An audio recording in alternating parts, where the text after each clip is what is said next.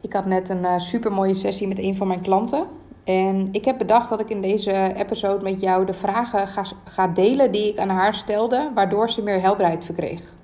Ze kwam eigenlijk binnen met: Ik doe nu superveel um, en ik weet even niet, niet meer wat ik wel wil doen. Ik weet niet eens meer wat mijn ideale scenario is. Um, het is onrustig, er gebeurt een hoop, maar ik ben ook moe en er komt heel weinig uit mijn vingers. Um, en uiteindelijk liep ze hier de studio uit naar een uurtje met um, inzicht, met berusting, met uh, ideeën. En ook praktisch weet ze nu wat haar te doen staat. En de vragen die ik aan haar gesteld heb, ga ik ook aan jou stellen. Dus mijn vraag is eigenlijk: um, Nou, sta je daar nu op dit moment voor open? Dus merk je ook dat je zoekende bent in een bepaalde richting, dat je niet weet waar je heen wil? Als dat het geval is, zou ik zeggen: pak even pen en papier bij de hand. Zet mij soms misschien op pauze. Um, om gelijk antwoord te geven op de vraag die ik voor je heb. En ik ga zo gewoon op je afvuren. Misschien in willekeurige volgorde. Ik ga even kijken hoe het loopt. Um, en voel voor jezelf wat het bij jou raakt. En laat me ook weten aan het einde wat het je gebracht heeft. Allereerst, als jij leegloopt op de dingen die je uh, op, op dingen doen nu, dus je loopt leeg op dingen doen überhaupt, dan is mijn vraag: loop je nu leeg op dingen doen? Of loop je nu leeg op deze dingen die je nu aan het doen bent? Daar zit echt een significant verschil in. Dus de vraag zou iets kunnen luiden als: van welke dingen krijg jij momenteel wel energie en waar loop je momenteel op leeg?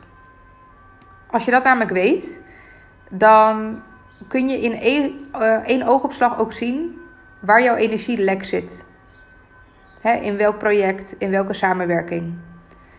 En vervolgens is de vraag: welk besluit heb je hierin te nemen? Misschien heb je nog wat meer informatie nodig. Dan zou je jezelf de vraag kunnen stellen of je nu op dit moment met de juiste dingen bezig bent. En als het antwoord ja is, is het antwoord dan ja omdat je een aantal maanden geleden hebt bedacht van ja, dit is nu mijn nieuwe ding. Dus het moet het wel zijn, want ik doe het bijvoorbeeld pas heel kort. Of voel je het echt tot in de puntjes van je tenen dat je denkt: ja, ik ben echt met de juiste dingen bezig, want er stroomt zoveel energie doorheen dat ik niet anders kan dan dit doen. Dus de vraag die je jezelf kunt stellen in dit verlengde is: is datgene wat ik nu aan het doen ben, is dat het nog voor mij? Of doe je ergens nog een concessie? Heb je ergens ja gezegd tegen een klant, tegen een project, omdat het nou eenmaal in je schoot geworpen werd? Of omdat je dacht, ja, ik kan toch niet zomaar nee zeggen? Of ik doe het al zoveel jaar? Of het is maar voor twee maanden? Dit zijn allemaal concessies. En de vraag die daar weer uit uh, stroomt is: hoe zou je leven eruit zien als je geen concessies zou doen? Waar zou je dan als eerste mee stoppen op dit moment? als je geen één concessie meer zou doen. Ik hoop dat je hebt meegeschreven. Een volgende vraag is: stel dat je nu hebt kunnen voelen van, oh ja, shit, er zijn inderdaad wel wat dingen die ik uh, zou willen loslaten. Ik denk dat dat niet als uh, donderslag bij heldere hemel komt. Vaak is het al iets wat je, waar je al een tijdje tegenaan zit te hikken, waarvan je ook eigenlijk stiekem wel weet dat het je niet meer dient of dat het niet meer zo fijn is. De reden dat je het tot op heden niet hebt losgelaten, is misschien omdat er geen bewustwording op zat. Maar misschien is het ook wel zo dat je er ergens nog baat bij hebt om dit in stand te houden. Dus de volgende vraag die ik aan je zou willen stellen, als je eenmaal in kaart hebt gebracht van, oh ja, dit zou ik nu wel willen loslaten, of hier zou ik nu wel mee willen stoppen, al dan niet tijdelijk of nu voor altijd. En er zit nog weerstand op, waardoor je denkt, ja, dat lukt niet. Waarom heb je er dan, of wat, hoe dient het jou dan nog? Als je het niet loslaat, hoe dient het jou dan nog? En een antwoord kan bijvoorbeeld zijn: Ja, uh, ik heb het geld nodig. Dat is een heel veel gehoord antwoord hier in de studio. Ik heb geld nodig, want het is uh, eh, 60% of 80% van mijn inkomen. Dus ik kan dat niet zomaar doen. je gaat opschrijven hoe het jou nog dient dat je dit nu nog in stand houdt. Zet mij voor pauze. En als je dat gedaan hebt en je hebt dat in kaart gebracht, dan heb ik nog een vraag voor je en dat is: is dat een oud verhaal wat je net hebt opgeschreven? Of is dit op dit moment relevant en is het onderdeel van je nieuwe verhaal? En je nieuwe verhaal kun je eigenlijk zien als de 2.0 versie van jezelf. Je nieuwe verhaal gaat over. Stel dat je geen concessie zou doen. Stel dat we een jaar vooruit spoelen en je staat er op een bepaalde plek in je leven, in je business. En je hebt daar een bepaald idee bij over welke keuzes je dan zou maken of over wat je graag zou willen. Laat dat nieuwe verhaal, dus jouw 2.0 versie, is los op dat bezwaar wat je nog hebt. Op die vorm van weerstand, op datgene waarvan je zegt: ja, nee, het dient me nog. Als ik dit nog vasthoud, dan dient het me nog. Is jouw nieuwe verhaal het daarmee eens? Dat is heel interessant om te onderzoeken. Wat ik vandaag ook besprak met mijn klant is dat onderdeel van jouw nieuwe verhaal is niet alleen maar een verhaal als uh, bijvoorbeeld ik ga voor mijn dromen en ik durf daarin mensen teleur te stellen. Of ik wil volgend jaar een goed lopend bedrijf hebben met 30 omzet in de maand. Jouw nieuwe verhaal, daarin zit ook een heel belangrijk onderdeel. En dat is niet wat doe je, maar vooral wie wil je zijn.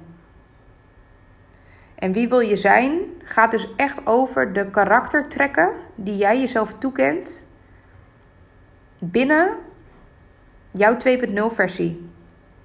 Dus waar bijvoorbeeld jouw 1.0 versie nog zou zeggen: ik kies voor veiligheid en uh, financiële zekerheid, zou bijvoorbeeld jouw 2.0 versie zeggen: um, financiële onzekerheid neem ik voor lief als ik ga voor iets wat het onderzoeken waard is.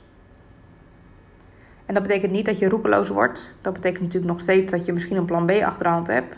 Maar je laat je in ieder geval niet tegenhouden door het feit dat je misschien financiële zorg hebt.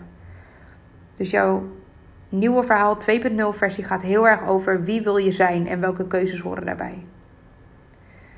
En dan de vraag die daar weer uit voortvloeit is: nu je dit weet, dus je weet wat je wil loslaten, je weet ook waar de weerstand zit, je hebt inmiddels in kaart gebracht of dit een oud verhaal is en of dat je nog dient, of dat er een nieuw verhaal is. Dan is de laatste vraag: welk besluit heb je dan nu te nemen? Nu je dit weet, welk besluit heb je dan vandaag nog te nemen en welke stappen horen daarbij? Wat moet je regelen om het voor jezelf in orde te maken?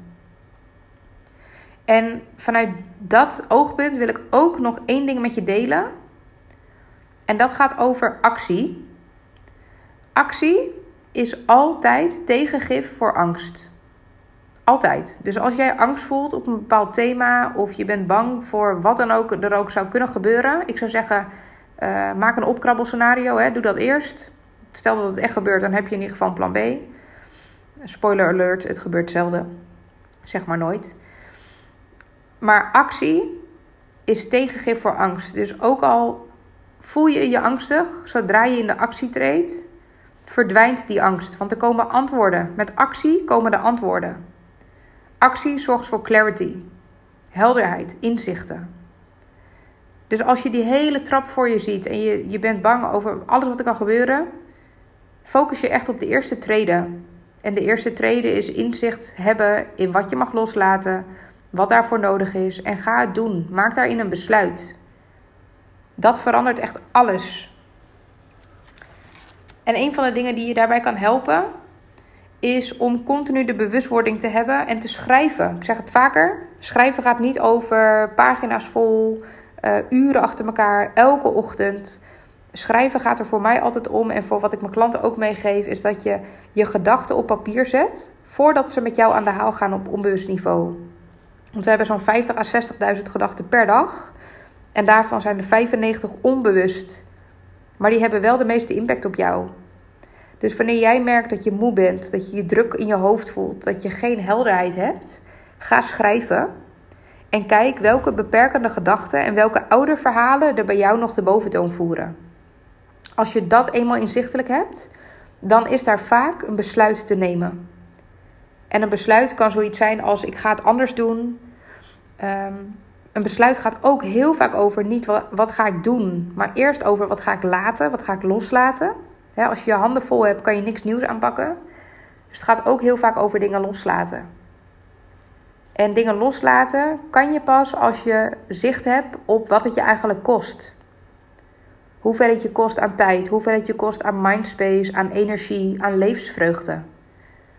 Want als dat je op een gegeven moment meer gaat kosten dan dat het je opbrengt, dan weet je dat je daar iets in te doen hebt. Nou goed, ik hoop dat deze vragen je verheldering hebben gegeven. Ik ben super benieuwd wat het je gebracht heeft. Leuk als je het met me wilt delen via Instagram. Ehm, ja, en ook leuk als je me laat weten wat eruit voortvloeit. En ook als het je gelukt is. Dus als je een besluit hebt genomen, is dat één. En het daadwerkelijk uitvoeren met al de gevoelens die daarbij ehm, in je leven weer treden. Gevoelens van rust, van vertrouwen, van overzicht. Dat is zoveel waard.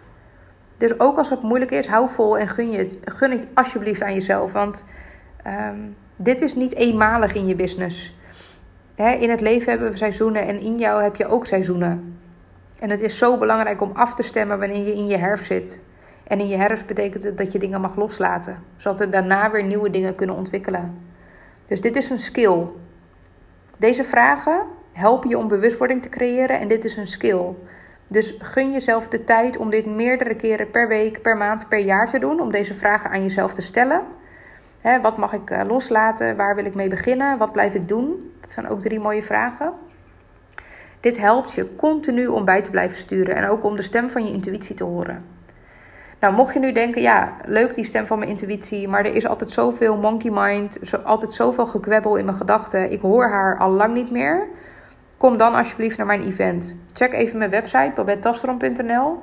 Op 5 juli, um, uit mijn hoofd, ja, dinsdag 5 juli geef ik een event in de ochtend. Waarbij ik binnen een uur jouw contact laat, ma laat maken met je intuïtie. En vanuit daar met je grootste potentie. Dus als jij die middag naar huis toe gaat, dan weet je precies wat je te doen staat. Dan weet je wat je los mag laten, dan weet je wat je toe mag laten, dan weet je wat je op wil pakken. En wat jij nodig hebt om in goede energie te komen. Uh, op dit moment zijn er nog kaartjes. Er zijn 36 ondernemers die al voor zijn gegaan. In de zaal passen er zo'n 65. Het zou me super leuk lijken als je erbij bent. Zeker als je deze podcast hebt geluisterd, dan is dit echt voor jou.